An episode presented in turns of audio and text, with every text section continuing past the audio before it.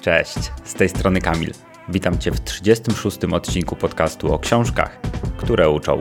W tym podcaście omawiam najważniejsze lekcje z ciekawych książek, by zaoszczędzić Ci czasu lub zachęcić do ich przeczytania.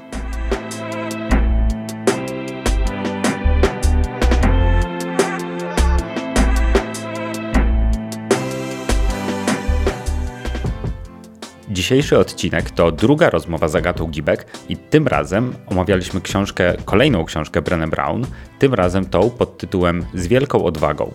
I chciałem ten odcinek zacząć jakimiś mądrymi słowami, ale nie byłem w stanie wymyślić nic lepszego niż cytat Theodora Roosevelta, o którym Brené bardzo często w tej książce wspomina. I myślę, że on będzie pięknym zobrazowaniem tego, co w ogóle w całej tej rozmowie chcemy przekazać.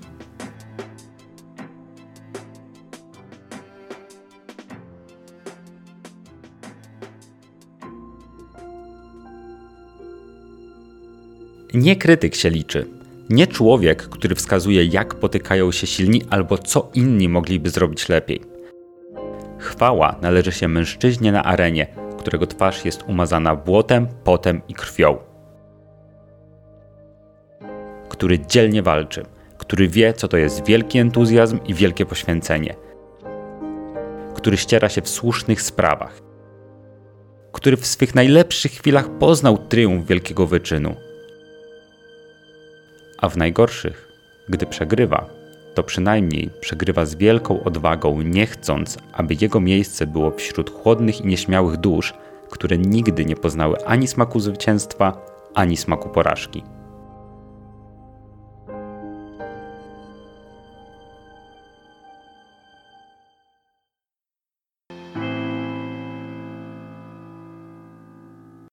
Cześć Agato. E, cześć Kamilu. E, witam cię po raz kolejny w moim podcaście um, i tym razem też w moim mieszkaniu, bo... Um, Nie też. Nie też. Ostatnio było w moim. Nie, a faktycznie, tak. E, przepraszam, ostatnio nagrywaliśmy u Agaty, a tym razem ja Agatę zaprosiłem do siebie, a to właściwie ona bardziej zaoferowała, że nie, nie, nie, nie musisz do mnie jechać, mogę paść do ciebie. Więc bardzo cieszę się, że tu jesteś i że namówiłaś mnie do przeczytania książki, kolejnej książki Brené Brown, czyli Z wielką odwagą tak jak sobie czytałem tą książkę, to nie ukrywam, że ona była dla mnie dość e, z jednej strony odkrywcza, bo wzbudzała bardzo dużo emocji, była jest w ogóle bardzo głęboką książką i tematy, które porusza tam Brenę, mam wrażenie, że no, dotyczą po prostu każdego z nas. I bardzo mnie ciekawi, w jaki sposób w ogóle ty ją odebrałaś, w jaki sposób, w ogóle skąd się pojawiła Brenę w twoim życiu, jako w książkach? E, Brenę w moim życiu pojawiła się przez Asię Chmurę, która jest przyjaciółką mojej siostry. Aha, to Więc taka bajka. E, automatycznie jak e, siostra coś opowiada o Asi, potem zobaczyłam, że Asia to trochę tak się udziela społecznie, no to kim jest ta Asia?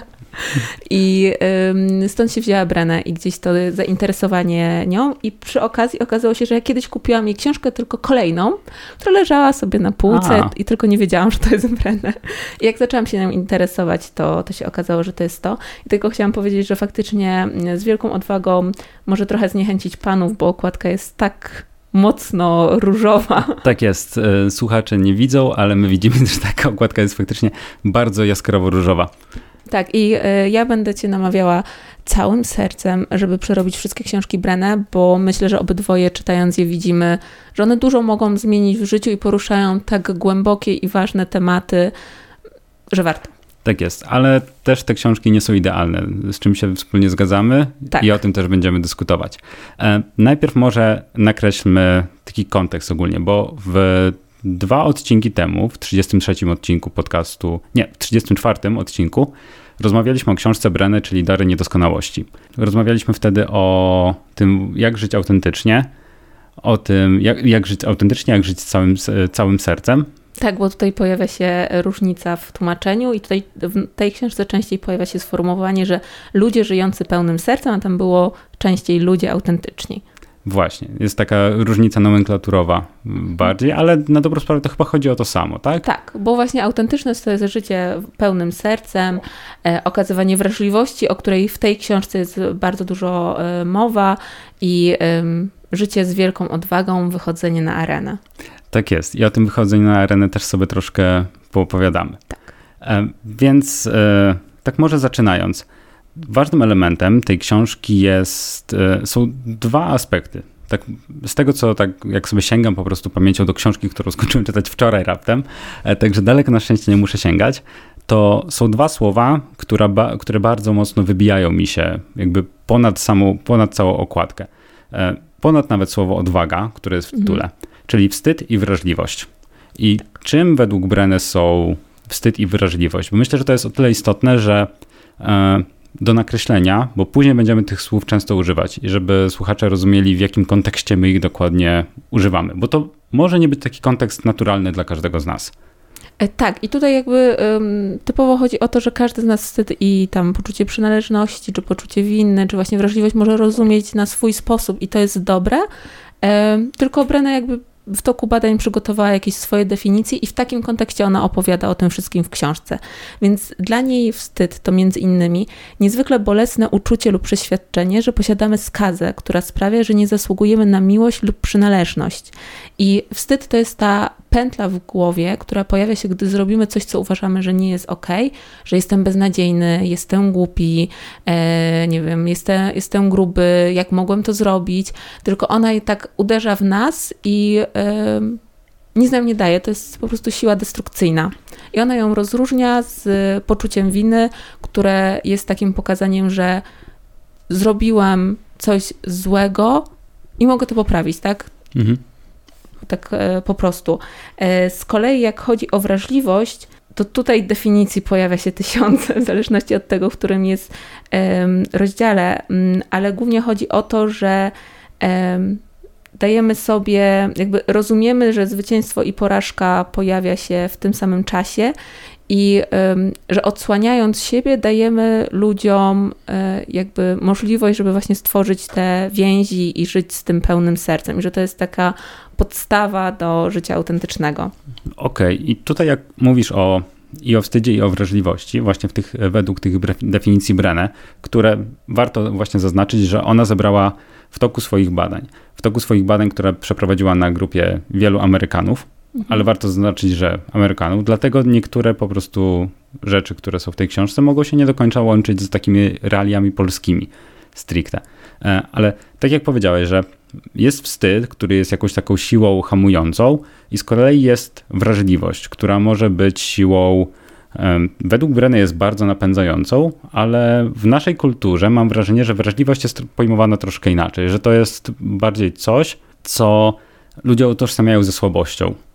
Tak, ale zwróć uwagę, że ona przecież obala mity. Po kolei e, jest, jest rozdział, w którym obala mity. I właśnie jest dokładnie to samo, że wrażliwość nie jest słabością, że mm, wrażliwość no powtórzę cię, tak, jest tym motorem, motorem na, napędzającym, bo w momencie, kiedy e, przeżywamy coś i się nie otworzymy, to dajemy pole temu wstydowi, żeby nas działał i tracimy więzi z innymi ludźmi, tracimy jakby umiejętność współczucia samemu sobie, e, nie rozwiązujemy danej sytuacji i jakby mm, zaprzeczeniem wrażliwości jest właśnie strach, lęk, rozwijanie w sobie agresji i takich zachowań e, mocno uzależniających. Tak ona pokazuje jakby pełną gamę, że e, to nie zawsze chodzi o to, że jak nie, nie okazujemy tej wrażliwości, bo wszyscy jesteśmy wrażliwi i to ona też mocno podkreśla, to nie chodzi o to, że zaraz każdy z nas będzie pił alkohol czy brał narkotyki,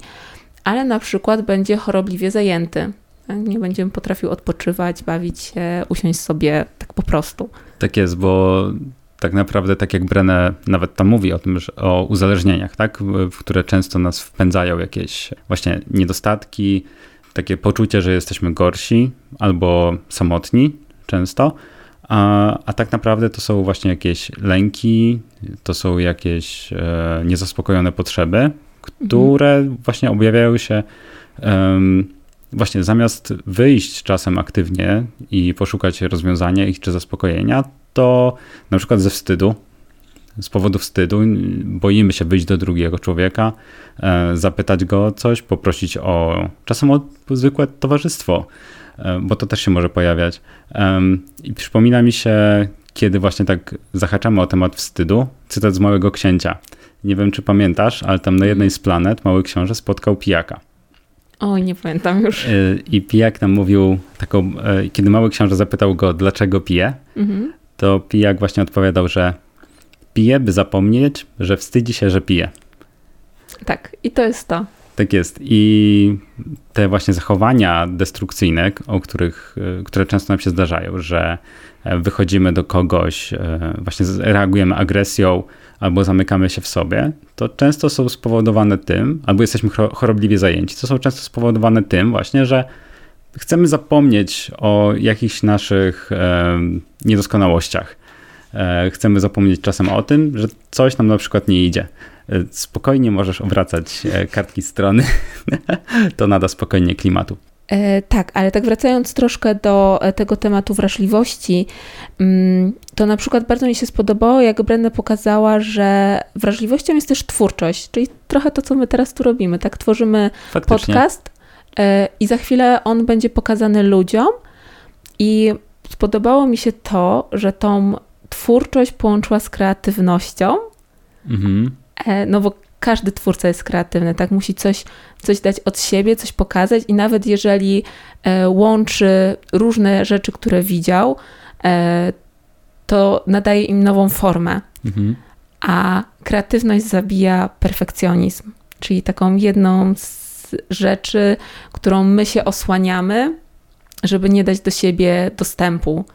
I mhm. żeby też trochę ukryć ten nasz wstyd, tak? Bo to jest to, co ty mówiłaś o tym pijaku, że e, piję, żeby zapomnieć tego, że się wstydzę, że piję. Mhm. A na przykład jestem perfekcjonistą, bo wstydzę się pokazać, że jestem niedoskonały, więc jeszcze bardziej zapętlam się w ten swój perfekcjonizm.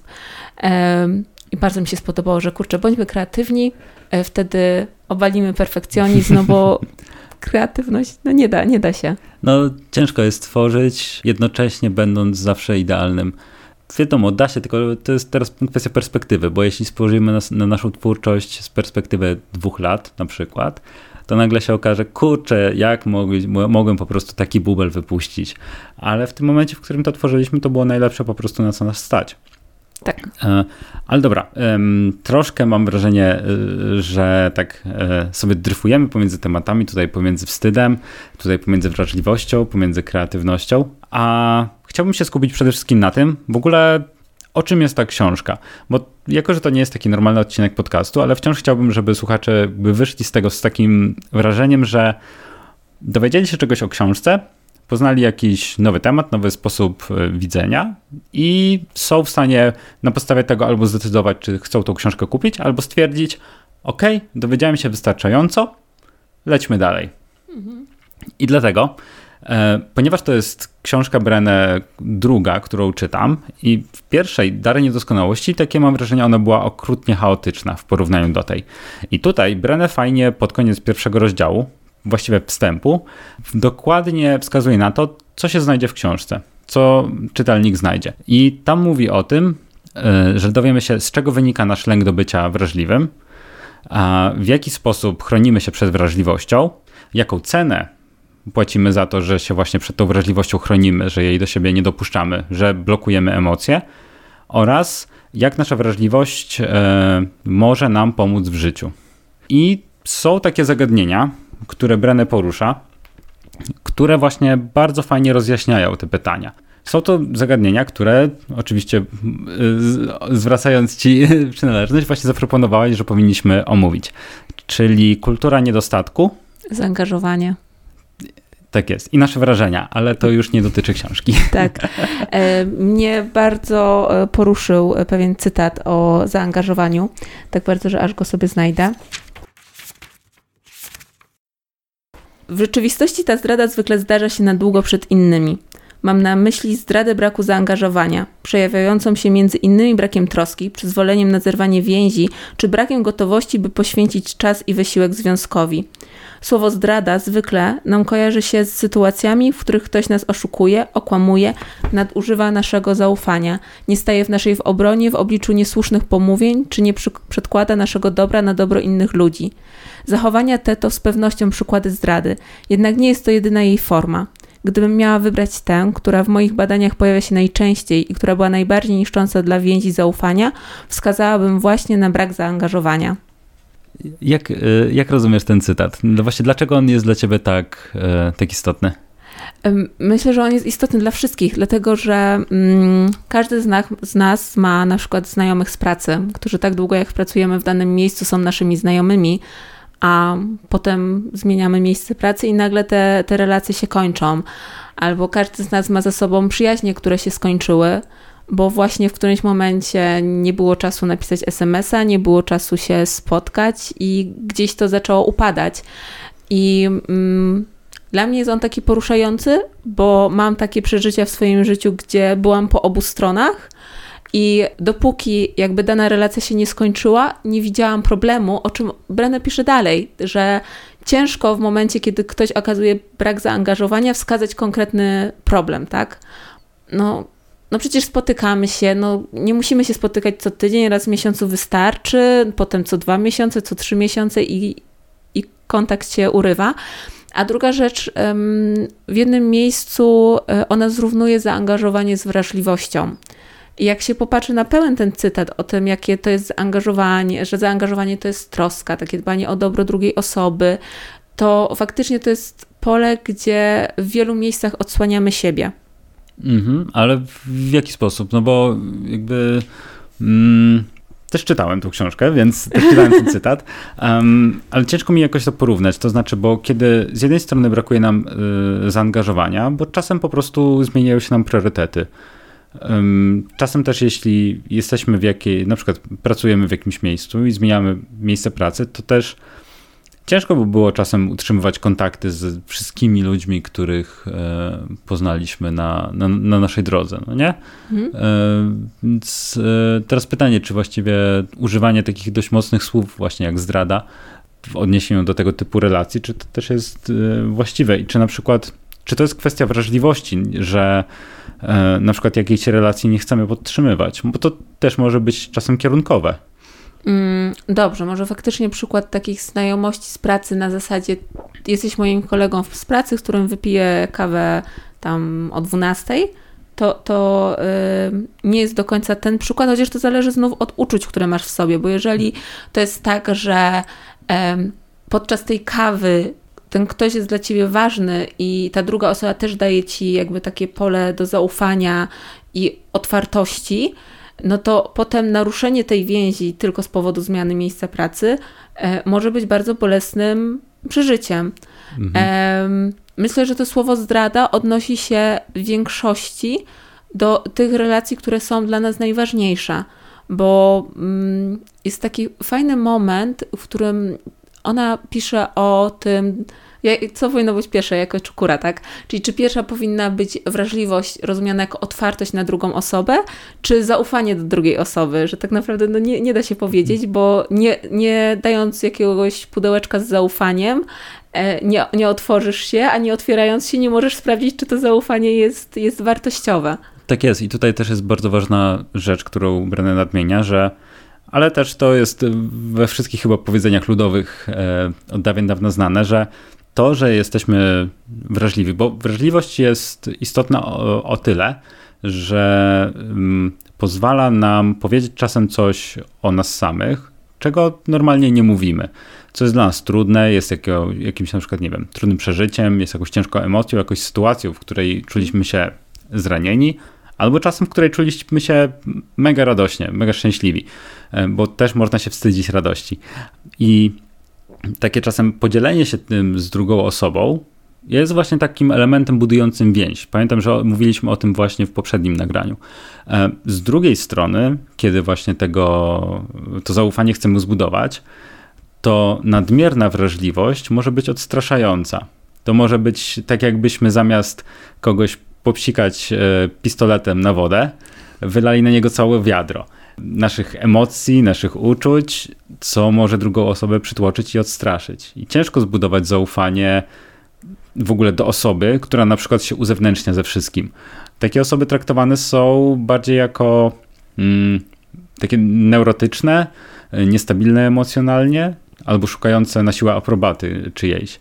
Że jeśli chcemy budować więzi, chcemy, żeby inni się angażowali, chcemy sami się zaangażować, to, to gdzieś wszystko musi być takie w miarę, znaczy nie musi.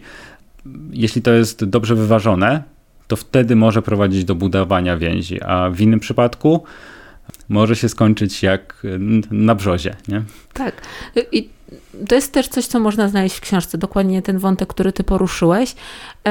Bodajże w rozdziale na temat uzbrojenia, czyli tych rzeczach, które nas odgradzają od siebie i od innych ludzi, czyli tylko ona tam nie mówi o e, pistolecie na wodzie, no. tylko o e, e, reflektorach i światełkach tak choinkowych. Że światełka choinkowe są takie przyjemne i one pojawiają się czasami, mrugają sobie, czyli po prostu odpowiednim osobom wrzucamy te, te nasze zaufanie, okazywanie też jakiejś um, lojalności, bo zaufanie dla mnie wiąże się z lojalnością też. A jak po prostu wyjdziemy na scenę i harat, tu jest całe moje wnętrze, to to jest coś takiego, taki mechanizm, który pokazuje no ja nie potrafię stworzyć relacji, bo nie wiem, ze mną jest coś nie tak lub z ludźmi jest coś nie tak. Jeszcze sobie udowadniam to. Ro, po prostu robiąc y, niemądre rzeczy, pokazuję, że no tak, no po prostu jest, jestem, jestem beznadziejna, nikt, nikogo nie interesuje to, co jest we mnie, a po prostu zła kolejność, tak? Tak jest. Y, bez sprawdzenia też danej osoby. Też w książce dużo jest... Y, na temat stawiania granic, bo to też jest ważne moim zdaniem w budowaniu e, relacji, że tylko w takim stawianie granic e, rozumianym jako mm, co do kogo, kiedy powiem, e, ale też co od kogo, kiedy przyjmę. O, tak bym powiedziała. To znaczy, co od czy, kogo, czy, kiedy przyjmę? Że to, co ty powiedziałeś o y, tych reflektorach, mhm. że ja mogę nie chcieć tego słuchać, tak, że mogą być ludzie, którzy chcą mi dać tak, tą tak. swoją otwartość, ale ja jako osoba żyjąca pełnym sercem, czy osoba autentyczna, ja wcale nie muszę tego przyjmować, że mogę powiedzieć nie dziękuję. Tak. tak. że ja nie chcę tego słuchać, nie chcę w tym uczestniczyć. Mhm.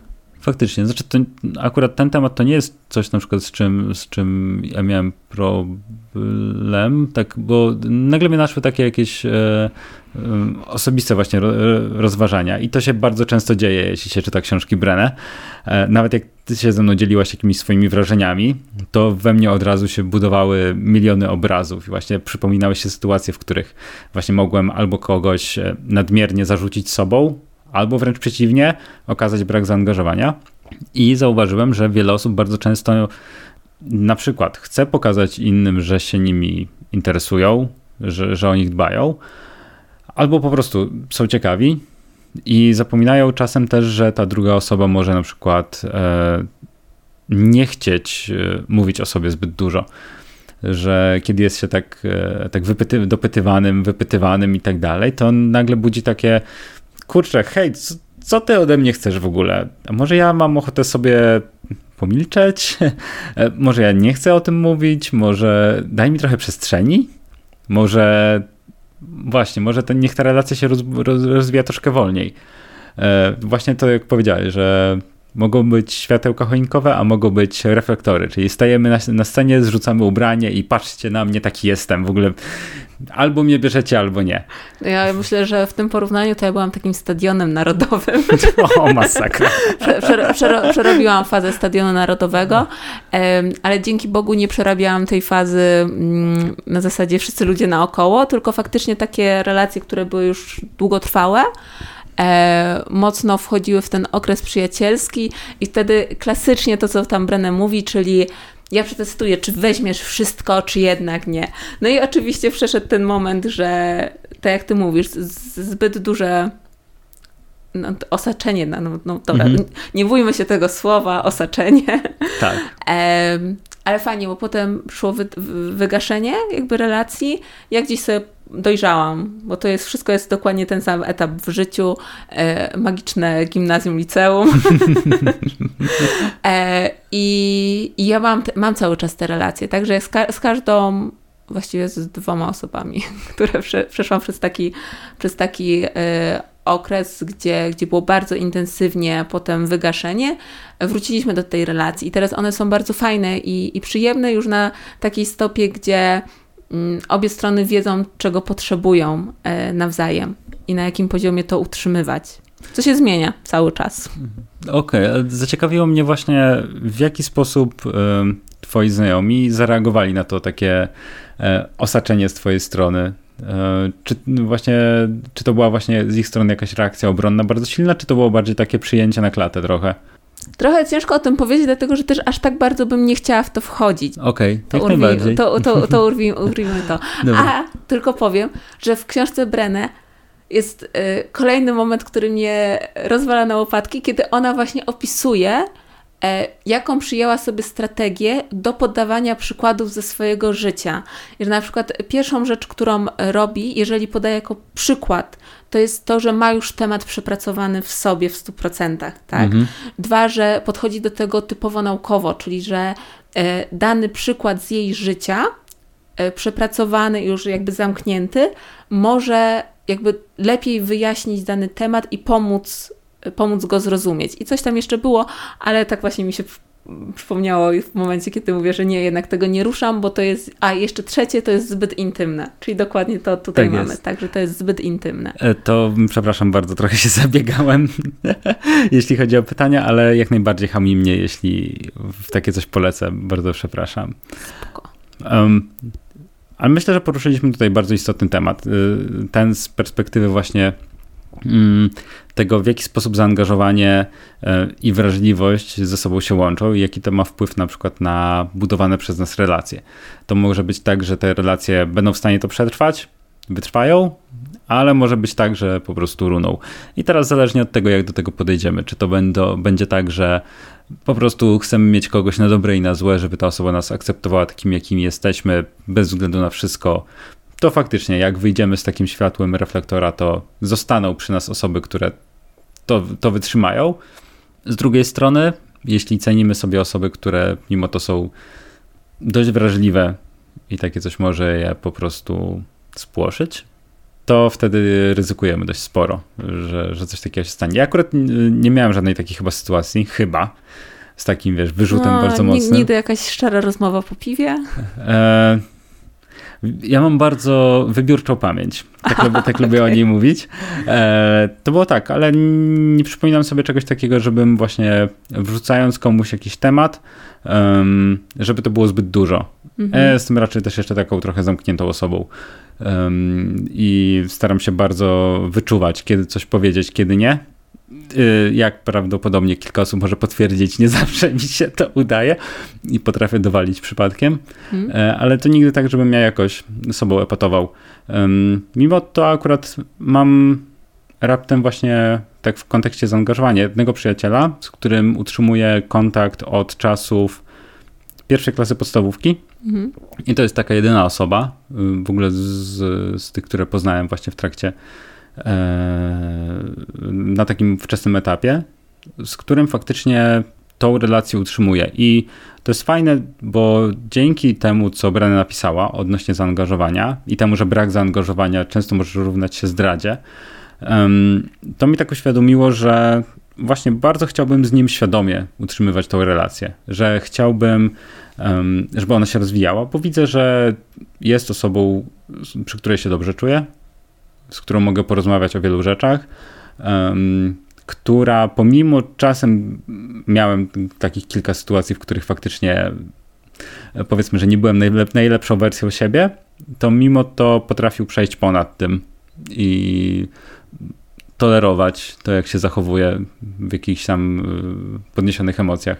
Tolerować czy wyjść z tobą na arenę? E, tolerować.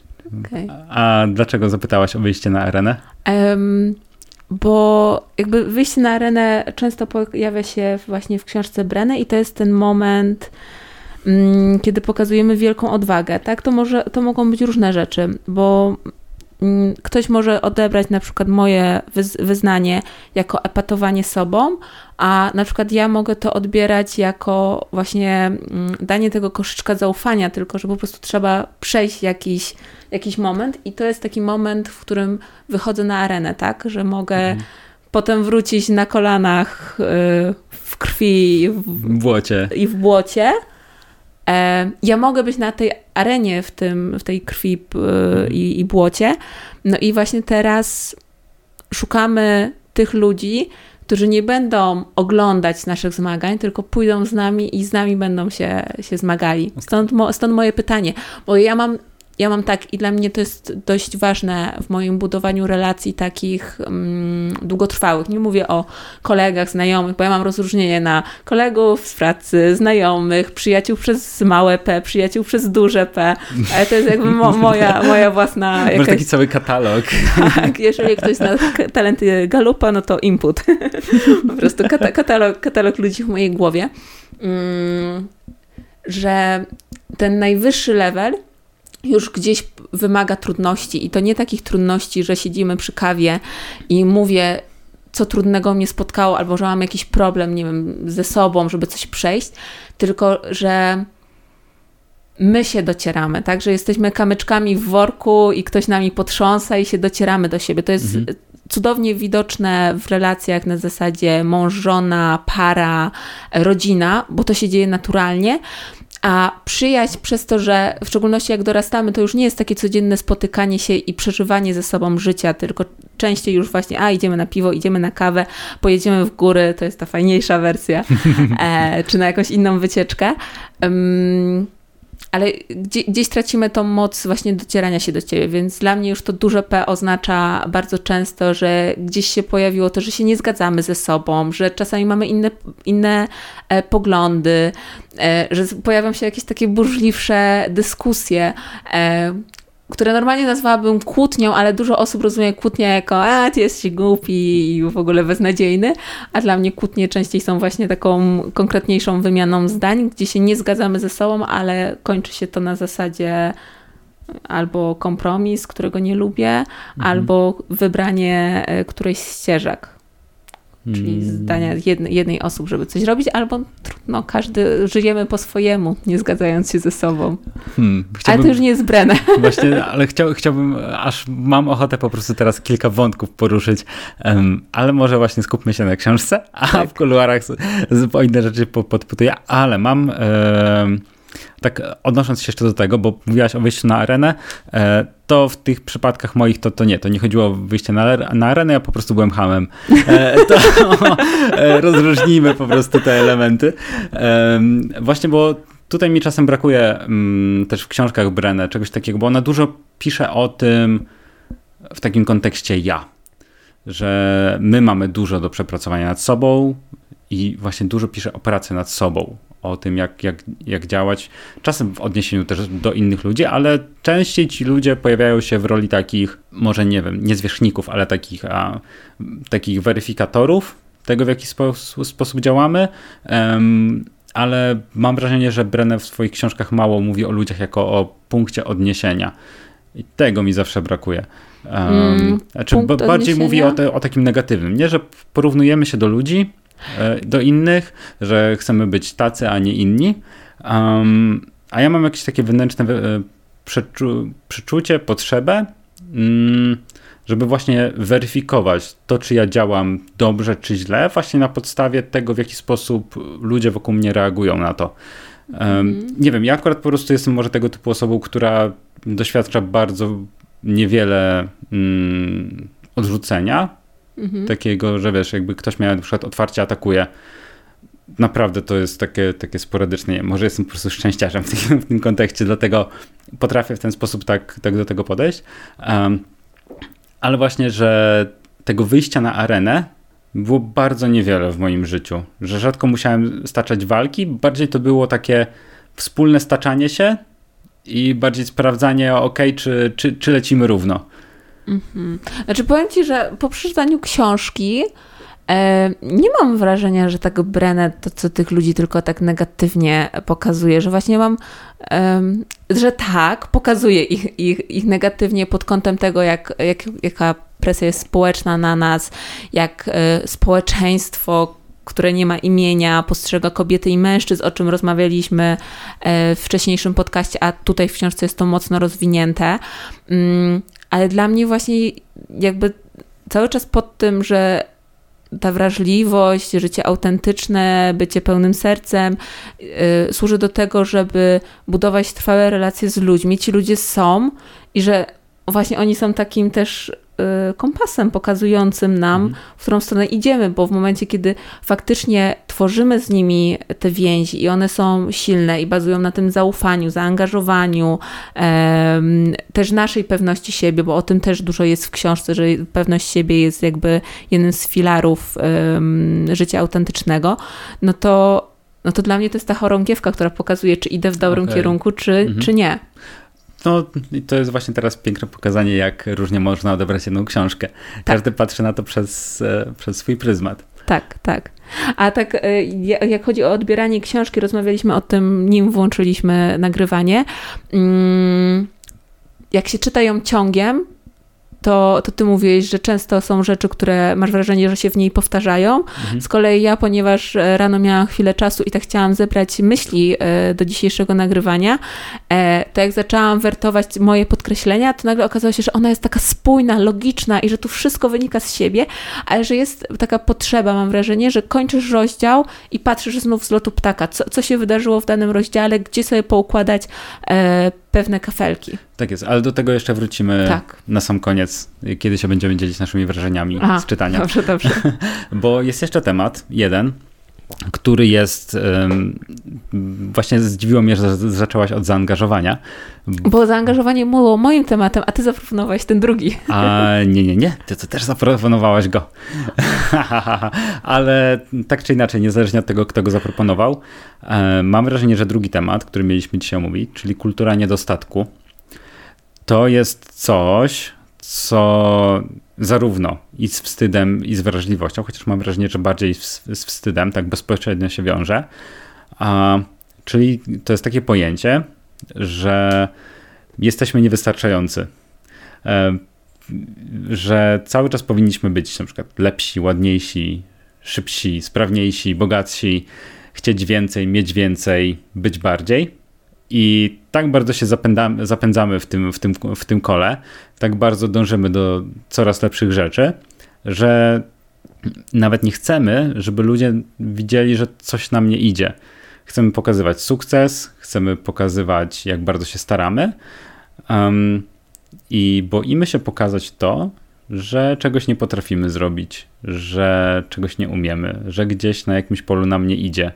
Albo próbujemy właśnie jednym, jednym polem, powiedzmy, nie wiem, e, w obszarze kariery na przykład, e, pokazywać, jak tutaj nam super idzie i ukrywać to, że zaniedbujemy życie rodzinne i jest nam z tym naprawdę źle. Mhm. Ciekawi mnie, jak ty odbierasz e, ten temat kultury niedostatku po przeczytaniu książki?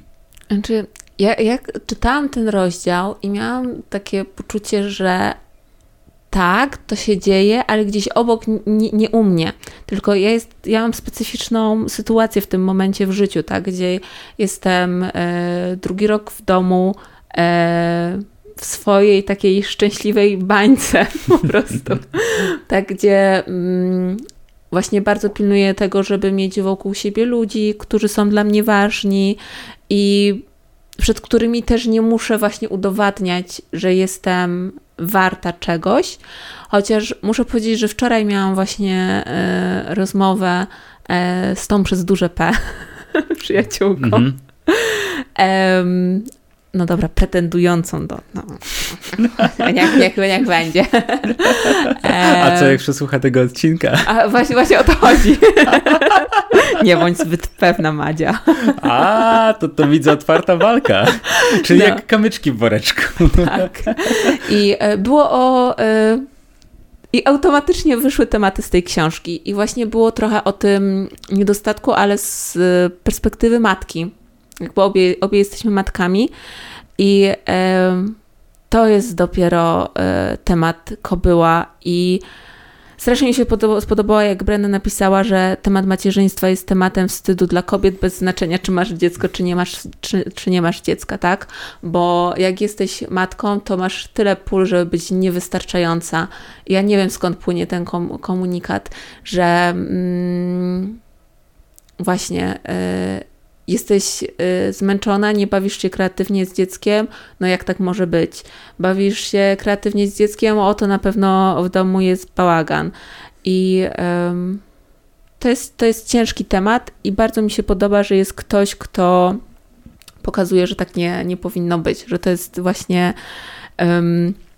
Że ludzie żyjący pełnym sercem, którym, o którym w momencie Brenna pisała, oni zdają sobie sprawę z tych nacisków zewnętrznych, tak? Oni sobie zdają sprawę z stereotypów, jakie są na temat kobiety, mężczyzny, z tych pól do wstydu, tylko robią sobie zestawienie, czy ja chcę być taki, czy na mnie ktoś wymusza, żeby być, być taką osobą.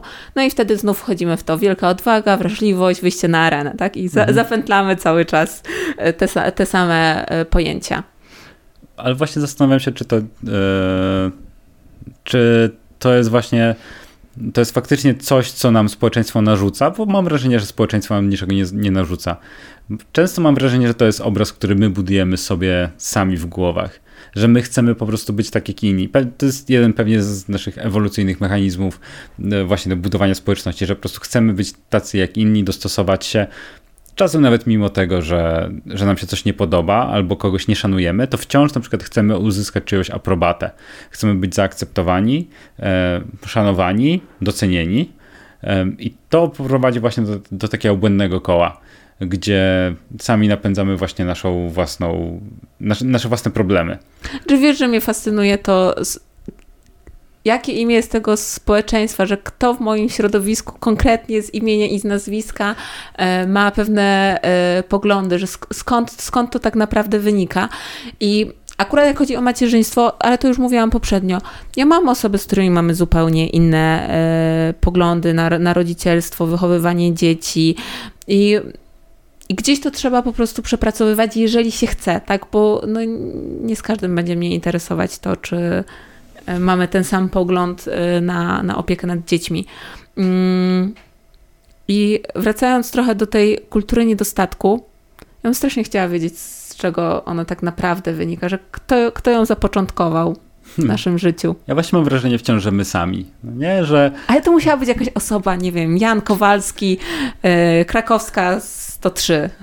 Znaczy inaczej, e, może kiedy ostatnio czułaś, e, że chciałabyś coś zrobić lepiej, albo na przykład, nie wiem, że chciałabyś nie wiem, lepiej wyglądać, mieć lepszą pracę albo coś. Czy, czy masz w ogóle takie jakieś czasem myśli? Wiesz co, e, tak, ale i tu ale jest istotne, bo jak myślę sobie na przykład, chciałabym lepiej wyglądać, to nie, że chciałabym lepiej wyglądać, tylko że chciałabym mieć zdrowsze i, i sprawniejsze ciało, tak? Mhm. Bo jeżeli będzie zdrowsze i sprawniejsze, to będę mogła żyć dłużej, wtedy dłużej będę mogła się cieszyć tym życiem i ludźmi, którzy mnie otaczają. Jeżeli myślę sobie o tym, że chciałabym mieć lepszą pracę, to przez pryzmat tego, ile jeszcze jest fascynujących rzeczy, których ja mogę się nauczyć i poznać na, na tym świecie. Więc to nie jest takie, że kurde, powinnam coś lepiej zrobić, żeby komuś udowodnić, żeby komuś pokazać, żeby ktoś miał lepszą opinię na mój temat. Właśnie. Znaczy, i to jest takie zdrowe podejście, no nie? Jestem I zdrowa. Jesteś zdrowa. E, ale to jest o tyle ciekawe, że bardzo niewiele osób ma takie myślenie. Albo Ale właśnie... niewiele to kto? Nie wiem. Spaluszka, spaluszka. Właśnie... Kto tak myśli? E, niewiele osób ma takie myślenie, to znaczy... Czekaj, spaluszka, spaluszka, spaluszka. A, no nie wskażę przecież konkretnej osoby. Ale w swojej głowie, czy y, masz przed oczami obraz konkretnych osób, y, które y, muszą być lepsze, bo nie wiem, po prostu chcą mieć kolejny awans w pracy, no właśnie, bo tak? Mam. Bo... Okej. Okay. No jakby są takie osoby. Y, zauważam je, y, spotkałem je i też ja tam byłem. Tak. Y, Opowiedz nam o tym. Ale to jest dość trudne. Znaczy, mam jeden taki przykład właśnie, bo to jak właśnie Brenna pisała o kulturze niedostatku, to mi się przypomniało w momencie, w którym e, na przykład e, od jakiegoś czasu nie mam samochodu. No nie? I miałem dość dużą wewnętrzną walkę sam ze sobą pod takim względem, że na przykład e, są powody jakby czysto pragmatyczne do tego, żeby mieć samochód, jak najbardziej. To jest po prostu wygoda, e, mogę sobie pojechać gdzie chcę, kiedy chcę, jak chcę. Ale są za to też koszty, nie? I wiem, że chociaż mógłbym sobie pozwolić na samochód, to wiem, że wtedy na przykład nie mógłbym oszczędzać.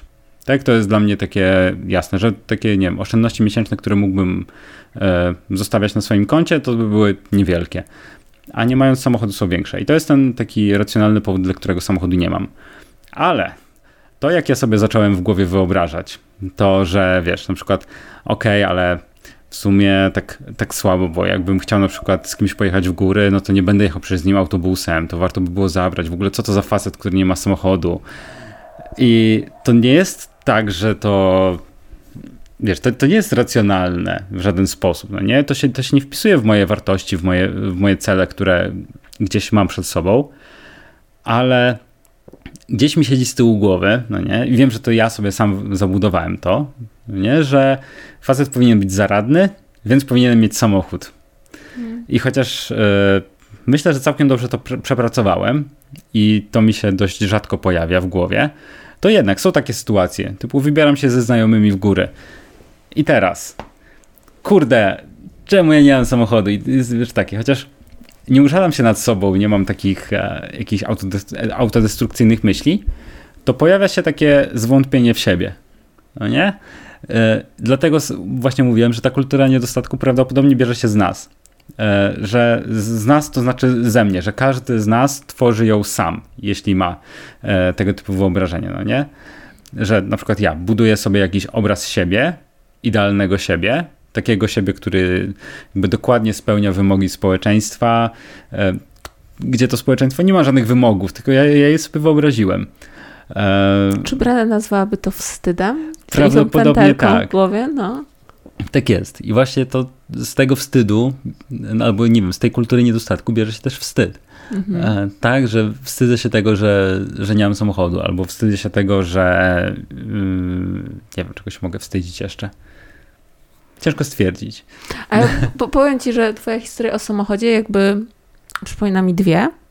Mogę nawet trzy, ale może, dobra, niech, niech będą dwie. E, studniówka. Byłeś na studniówce? Byłem na studniówce. Ja nie byłam. Nie chciałam pójść na swoją studniówkę, bo e, nie, przypad nie przypadałam wtedy. Teraz w sumie też za bardzo nie przypadam za takim typem imprez. I powiedzenie o tym, że nie idę na studniówkę, bo nie chcę, to, to było przepracowywanie, przepracowywanie wstydu, bo to było społecznie niepojęte, no ale jak nie idziesz na swoją studniówkę, całe życie będziesz tego żałować. Nie? Że nie byłaś na własnej studniówce, takie, takie tam wspomnienia. Nawet nie pamiętam mojej studniówki. No właśnie, więc ja do tej, do tej pory nie żałuję, e, ale faktycznie e, po tej studniówce mia, miałam coś takiego, że. Mm, ja sobie wyobrażałam, żeby, że ludzie ode mnie oczekują, że będę żałować, że na tej studniówce nie byłam, tak? I że jak tego nie żałuję, to jestem dziwna i że w ogóle nie poszłam na tą studniówkę, to, to idź tam do kąta, my z tobą y, nie chcemy rozmawiać. I to też było w mojej głowie tylko. Mhm. I dopiero musiałam sobie przepracować, że Poza tym, że właśnie ktoś powiedział, że kurde, ale to jest studniówka, będziesz żałować i to głównie osoby starsze, mówię, wiesz, na zasadzie nauczycielka, czy tam mama, to nikt inny jakoś specjalnie nie zwrócił na to uwagę. Po prostu cię nie było i, no i wszyscy wrócili ze studniówki, wspominali przez najbliższy tydzień, a później życie toczyło się dalej. Tak, tak, no, dokładnie. Eee... Ale w jaki sposób to przepracowywałaś? Czy to był jakiś proces, przez który po prostu przechodziłaś tak, tak myślowo, czy to było po prostu takie e, po prostu ucięcie, że okej, okay, olewam to? Wiesz co, ja najpierw musiałam trochę zluzować mój upór. E, mamo, jak to słuchasz, tak, jestem uparta. Dlatego, że mm, ja często mam tak, często miałam, bo to już teraz jakby już inna dojrzałość człowieka, e, że jak uparłam się, że coś zrobię, to ja momentalnie szukam wszystkich superlatyw danej sytuacji i się zapętlam, że nie, to jest super, to jest super, to jest super. Nieważne, co jest pod, pod spodem, czy faktycznie gdzieś się pojawia jakiś żal i inne uczucia, to nie, super, to była moja decyzja, to była najlepsza decyzja pod słońce. Nie, to była dobra decyzja, dobra decyzja. I, i, i w kółeczko, więc dla mnie puszczenie tego uporu było tym momentem, że wchodzę pod spód i dotykam, tak? Czy tutaj jednak nie ma miękko, czy tu jednak nie ma jakiegoś żalu, a jak się pojawił to, e, czego mi żal, nie byłam tam, e, czego mi żal? E, nie no, w, sum w, sumie to mi nie żal, dobra, dobra. I tak sprawdza, sprawdzanie, e, czytam się co pod środkiem, w środku czegoś gramatyka. Czy w środku coś się nie kryje? Okej, okay, czyli to było takie trochę badanie swoich emocji, tak? Tak, tak, tak. Okay. Czy, czy to na pewno jest tak, że jestem zadowolona ze swojej decyzji i było dobrze? Czy to wynikało z jakichś głębszych rzeczy i czy możemy zamknąć historię? No ale mhm. studiówka tak, to nie jest jakiś wielki, wielki temat tak naprawdę. Czyli Grubszym ten... jest brak wesela. Powiem ci, że to jest temat, który z kolei ja przepracowywałem. E, I to też nie było lekkie, ale nie wiem, czy to jest y, pomysł na ten, żeby to teraz e, obgadywać, nie, nie, nie, bo to, to gruby temat, naprawdę. Mm, ale mam wrażenie, że wraz z wiekiem e, jest mi coraz łatwiej pewne mechanizmy w sobie zauważyć i świadomie pracować mm, przeciwko nim. Mhm. Tak? Czyli kiedy pojawia się jakaś tarcza, to ja na przykład wiem, że to jest tarcza i teraz zaglądam, ok, a co jest za nią? I właśnie tak jak powiedziałaś, czy tam nie jest miękko. Tak, e. e, e, tylko wtrącając, tak, tarcza i uzbrojenie, czyli znów coś, o czym pisze Brenne, czyli to wszystko, co nas odgradza od naszej wrażliwości i bycia sobą. Tak jest. I to się właśnie bardzo dobrze, to co powiedziałaś, bardzo dobrze spaja właśnie z tematem, dlaczego wrażliwość jest tak istotna bo to właśnie wrażliwość pomaga nam wejść pod tą tarczę, pod tą zbroję i spróbować w ogóle zrozumieć, hej, czy tam wszystko w środku jest ze mną w porządku? E, czy tam nie ma właśnie jakichś lęków, które są na poziomie podświadomym? Czy tam nie ma jakiegoś oporu wewnętrznego? Czy tam nie ma um, jakichś właśnie niezaspokojonych potrzeb, które po prostu chcemy wypierać na siłę i uznawać, że one nie istnieją? I ta wrażliwość właśnie w takiej pracy nad sobą jest niezwykle istotna. Znaczy, pięknie to powiedziałeś, bo w sumie ja e, mówiąc o zaangażowaniu, bardzo mocno się skupiliśmy wtedy e, my ludzie, my ludzie, my ludzie, my więzi, a jakby bycie autentycznym, wrażliwość, wszystko to jest cały czas też ja, ja. Zacznę, zacznę od siebie. I po, po to chyba właśnie Brennan mówi, że to poczucie własnej wartości jest jakby filarem całej reszty, że jak tego nie masz, to ciężko będzie pójść gdzieś dalej. Tak, no bo... Czyli jak nie, jak nie lubicie ludzi, to nadal macie coś dla siebie z książki. Tak jest. Ale też jeśli nie lubicie ludzi, może dlatego, że nie lubicie siebie. O, tak. Tak jest, bo coś, coś, coś po prostu nie zgrzyta wewnętrznie. Jakieś mm. koła zębate tam się nie, nie ten, nie połączyły i nie ma ten. E, nie kręci się dalej życie. Tak, to w sumie mi przypomina, jak byłam w poniedziałek na takiej konferencji, nie wnikając w szczegóły, i pan prelegent powiedział: No, a kto jest tutaj introwertyku, introwertykiem i nie lubi ludzi?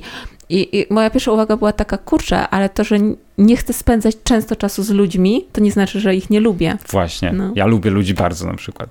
Z dumą noszę koszulkę szlachetnej paczki, która ma właśnie na klacie napisane lubię ludzi.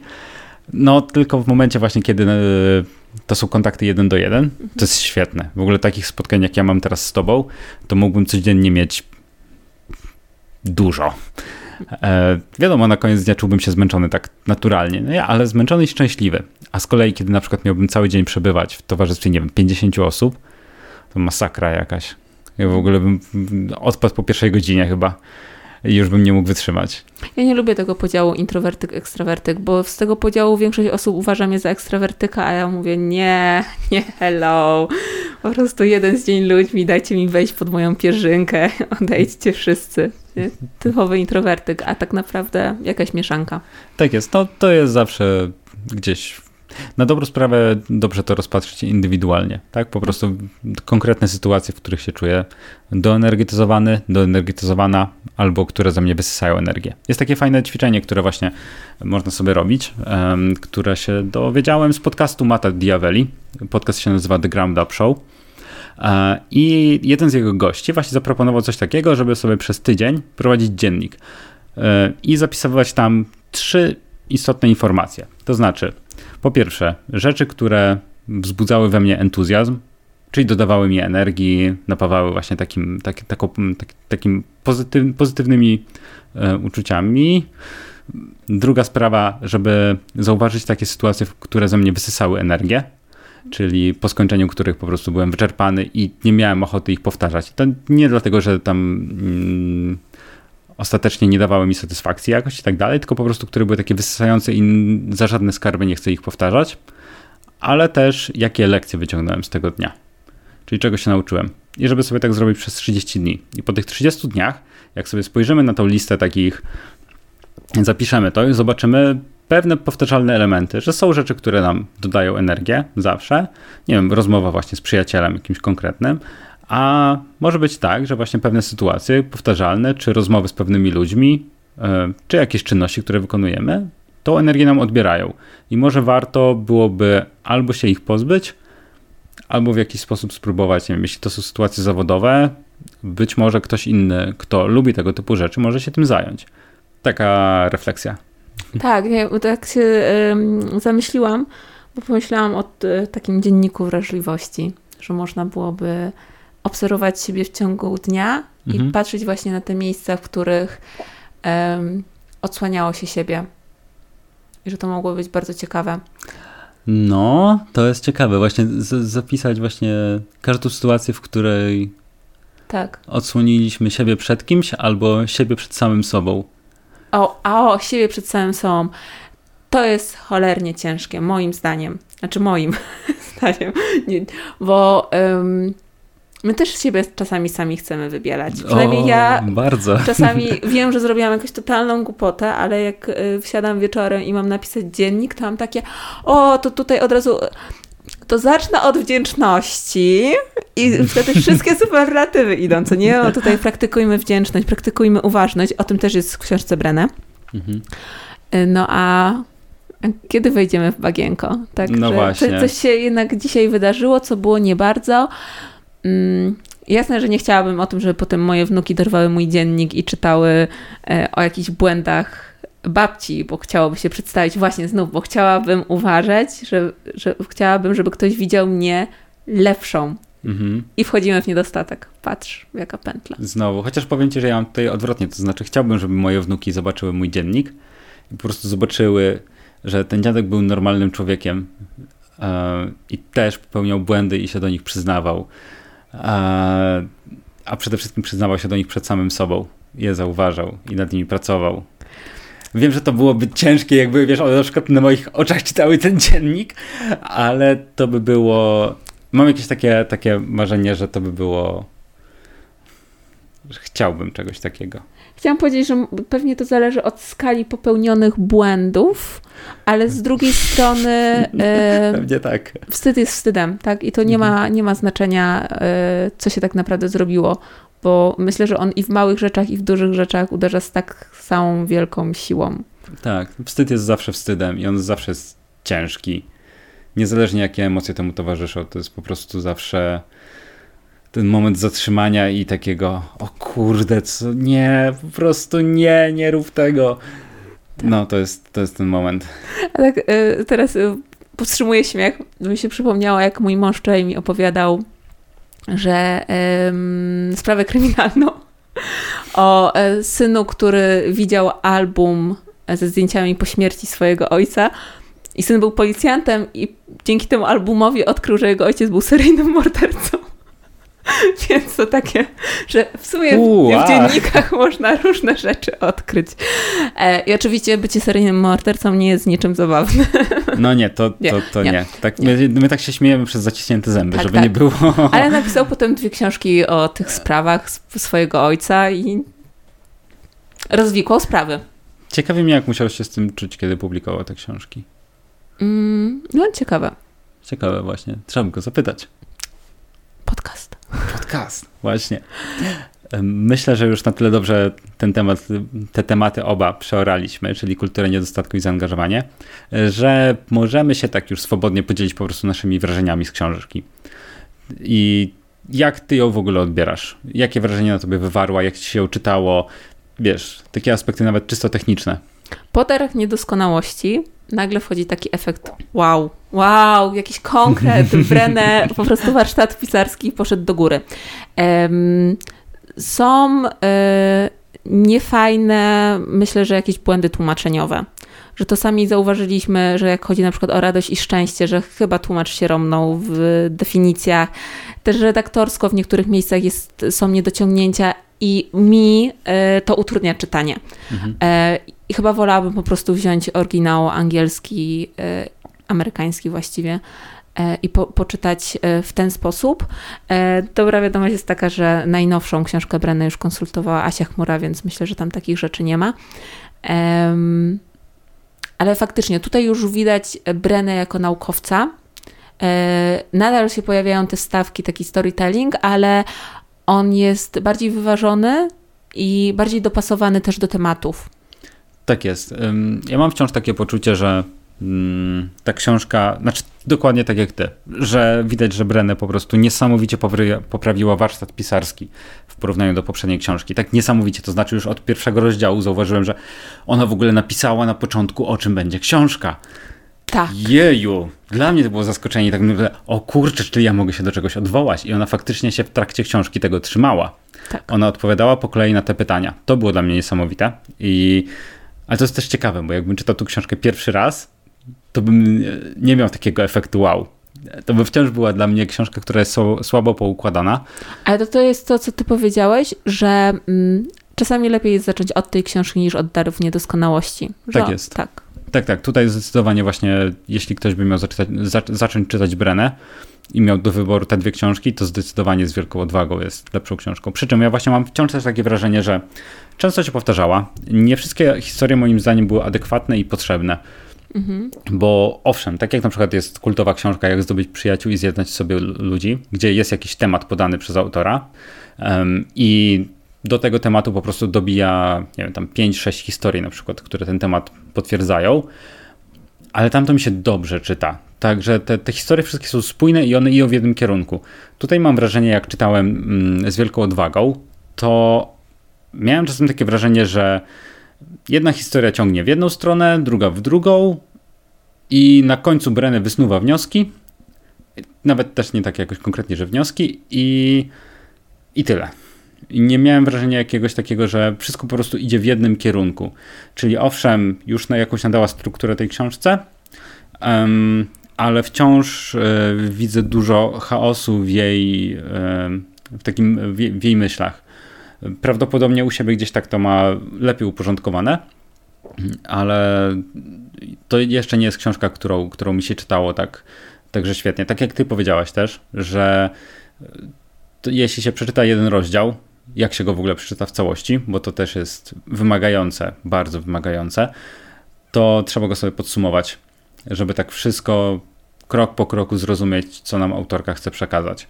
Tak, i mm, kurde, bo to jest takie ciężkie, bo e, obydwoje się zgodzimy, że to jest bardzo wartościowa książka bardzo. i że temat jest no czasami ci bebechy po prostu yy, wyrzuca na wierzch i ja, ja wiem, że ja z tą książką jeszcze będę długo, długo żyć, bo po prostu mam takie tematy pozaznaczane, że tego się, to dobra, przeczytam, ale to trzeba z sobą po prostu przepracować. Tak jest. Yy, ale z drugiej strony e, no, praca zaczyna się na etapie czytania książki, że e, mi dużo pomogło e, pomógł moment, w którym zaczęłam robić sobie jakieś notatki i wracać do pewnych rzeczy i patrzeć się, okej, okay, dobra, no to tutaj y, 10 wskazówek osób, które żyją pełnym sercem jest takie i nagle, kurczę, a to dlatego ona teraz się odnosi do tego, dlatego tu użyła tych słów, bo to i, I, cały czas jest zapętlenie, zapętlenie, zapętlenie i to ma sens, ale faktycznie nad całą książką też trzeba, trzeba wykonać pracę. Tak jest, to zdecydowanie.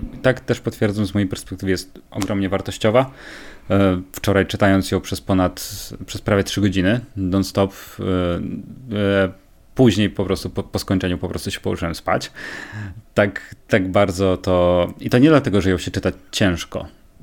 Ona po prostu zmusza do wielu przemyśleń tak? Te myśli się pojawiają automatycznie i to, nawet jak sobie jadąc w tramwaju jeszcze um, czytałem ją, to było coś takiego, że no idę sobie przez jeden rozdział, tak przeczytałem 5-6 stron i nagle zauważyłem, że odpłynąłem w myślach tak totalnie. A są takie książki, przy których się po prostu leci po temacie i czytasz, czytasz, czytasz, okay, jest potwierdzone. A tutaj Brennan dotyka tak wielu wątków, tak wiele ciekawych historii przytacza, że no, żeby to tak faktycznie odnieść do siebie i wykorzystać to później w życiu, ta książka wymaga pracy. Tak, ja bym miała takie, podobno liczby są fajne, więc miałabym trzy rady, jak czytać Breda. Dajesz. E, pierwsza jest taka, małymi partiami. Tak. E, druga, fajnie jest z kimś. Tak jak my y, zaczęliśmy czytać i e, ja ci się nagrywam na e, Messengerze, że słuchaj, taki fragment i Jezu, to poruszyło we mnie to. I na, nagle zaczyna się przepracowywać tą książkę i to bardzo, bardzo ułatwia. A trzeciej rady zapomniałam. To będą dwie rady. Dwie, ale konkretne. Czyli przepracowywać, czyli właśnie e, pracować z nią, Tak, dać sobie czas i porobić to z kimś. z kimś. Tak, No. tak też zauważam właśnie, że to, że mogłem się z tobą podzielić jakimiś elementami, które wzbudziły właśnie we mnie emocje, to było niesamowite. I masz I trzecią Przypomniało rzecz. mi się trzecie. E, Ja sobie zaczęłam, ponieważ ja mam wersję papierową, bo lepiej mi się czyta takie książki papierowe, e, mam pytajniki na marginesach i pytajnik oznacza, że Brenna zadaje bardzo dużo pytań, bo są takie momenty, e, chyba w kulturze niedostatku właśnie, e, bardzo dużo pytań Tak, się tak, pojawia tak, w tak, jednym tak, tak, miejscu, tak. żeby E. sobie wyobrazić właśnie takie swoje e, społeczne, rodzinne miejsca i których... w których obszarach jakby ten niedostatek może się pojawić. I ja od razu pytajnik, bo wiem, że na przykład teraz miałam czas, żeby przeczytać książkę, bo tam, nie wiem, dziecko śpi, ale w innym momencie chcę wrócić do tych pytań i tak na spokojnie usiąść i się nad nimi zastanowić. Więc u mnie na marginesach są pytajniki, czyli grubsza sprawa, do której trzeba wrócić, e, bo porusza zbyt wiele wątków w tym momencie. Tak jest, Brenę właśnie bardzo fajnie zachęca do, też do, do myślenia. Mam wrażenie, że w darach niedoskonałości nie było tego typu rzeczy, em, a tutaj się pojawiają takie stricte pytania od autorki, typu zastanów się nad tym, jak to wygląda u ciebie, czy na przykład w twojej firmie wygląda to tak, że zawstydzenie jest jednym z, e, jednym z motorów, na przykład tam e, jednym z narzędzi motywacji pracownika, czy to jest tak, że nie wiem, nietolerancja pojawia się, czy na przykład jest wyścig szczurów. Tak. I Ciekawa jestem, czy to wynika z tego, jaka była kolejność e, taka e, w życiu Brenę. No przecież ona najpierw była naukowcem, tak? I Mhm. czy na przykład pomiędzy zaczęła więcej szkolić ludzi? Czy wtedy na przykład e, powstały jej e, te programy odwagi e, i, i stąd wzięło się to, że właśnie jak tu zachęcić ludzi do pracy nad pewnymi rzeczami, a nie tylko pokazać im treść? A Nie wiem. może. Nie. W sumie ciekawe. Trzeba by zapytać Brenę. Podcast? Może jakiś mailik, Brenę, jak to było? Aha, w sumie to by było ciekawe. Może się uda jakoś do niej dobić. Nie, nie, nie. To plan na, na dalszą, dalszą przyszłość. Najpierw się do polskich autorów będę dobijał. Później przejdziemy krok dalej. Um, ale, Agato, czy zechciałabyś coś jeszcze dodać na koniec? czytajcie i pracujcie. Ja wiem, że ten wstyd, Jezu, jak słyszę słowo wstyd, odwaga, wrażliwość, to to jest, chyba mówiłam to poprzednio, takie on, en, ach. Ale tak naprawdę to są takie co- codzienne rzeczy. I ja zdaję sobie sprawę, że my też opowiadając o tej książce, mm, no, pewnie łatwiej by było, gdybyśmy do każdego słowa y, i tematu, który porusza Brenę, od razu dawali e, przykład z życia, przykład z życia, z przykład z życia i wtedy się rozumie w pełni, o co tutaj chodzi. No ale to macie już w książce, tak? Tam, tam będzie jest. to lepiej wyjaśnione. Tak jest. No i też zaznaczam, że to jest druga rozmowa, którą, e, nie, trzecia rozmowa, którą nagrywam do podcastu, także e, uczę się bardzo powoli. Może dojdzie do tego, że kolej, w kolejnych nagraniach będziemy mieć to jeszcze lepiej ułożone. Tak, no mamy plany. Mamy plany. Mamy plany? Mamy plany. Mamy plany, żeby nagrać wszystkie książki Brenę. Ale z y, przerwami. Tak, i zastrzegamy, że to może nie wyjść. po prostu. Bo różne sytuacje są w życiu. Ale jest plus, bo teraz będę mieszkał bliżej Agaty w Krakowie, więc, e, więc będzie nam się może prawdopodobnie łatwiej spotkać. E, dobrze, Agato. E, ja akurat z niczym słuchaczy nie chcę zostawić, bo miałem zaznaczone notatki e, na Kindle, ale mój Kindle się zepsuł dzisiaj. Dobrze, że mogłem chociaż dokończyć czytać książkę wczoraj, bo dzisiaj jak go wyłączyłem rano, to już się nie włączył. Także. e, Minuta ciszy dla Kindla. Minuta ciszy dla Kindla. Nie, on nie zasłużył sobie na minutę ciszy. tak jest. Nieprawda, nie musisz mi, twoja wartość jest na poziomie, od razu jesteś wartościowy, a nie, że musisz zasłużyć na cokolwiek. Em, Jakie książki czytałeś ostatnio? Bo to Em. chyba nie była Brenę. Czekaj, czekaj, czekaj. Jest taki, taki bardzo fajny cytat. Wykorzystujmy rzeczy, kochajmy ludzi, ale nie na odwrót. Dobrze. Tak, Kindle to rzecz. Mimo, że ma ładne imię. To Agato, dziękuję Ci bardzo za rozmowę. Bardzo się cieszę, że mnie odwiedziłaś. To była dla mnie czysta przyjemność i mam wrażenie, że to drugie nagranie było o wiele lepsze niż, e, niż pierwsze, chociaż pierwsze również było dobre. Jak już ściągnęłam słuchawki z uszu. Tak jest, bo lepiej. tak jest. E, Agata na początku się e, walczyła z moimi słuchawkami, żeby jej nie zabiły. Ale na szczęście wszystko poszło dobrze. I już ci przeszło dzwonienie w uszach. Tak, Cieszę zdecydowanie. się. E, Więc więc do usłyszenia. do usłyszenia w kolejnych odcinkach.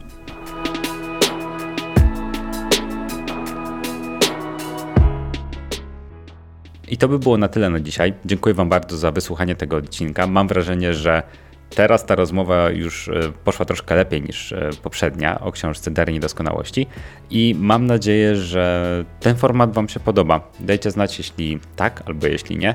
Bardzo chętnie usłyszę Wasze opinie czy to na Instagramie, na profilu książki, które uczą, czy przez maila na adres kamilmałpa książki, które uczą.pl albo możecie też oczywiście zostawić komentarz pod wpisem do tego odcinka na stronie książki, które uczą.pl. Tam też znajdziecie wszystkie linki, notatki i ważne informacje dotyczące tego odcinka i to, o czym z Agatą wspominaliśmy. Także dziękuję raz jeszcze. Było mi jak zwykle bardzo, ale to bardzo, bardzo miło. Agata również pozdrawia.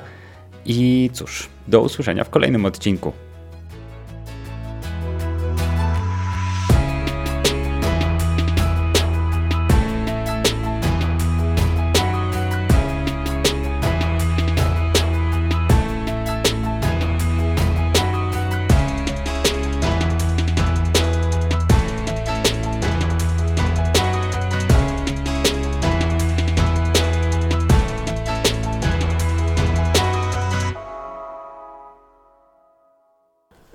Dobrze, dobrze, że to będzie wy, wycinane i ucinane. A może nie będzie? Nie, no tak, nie.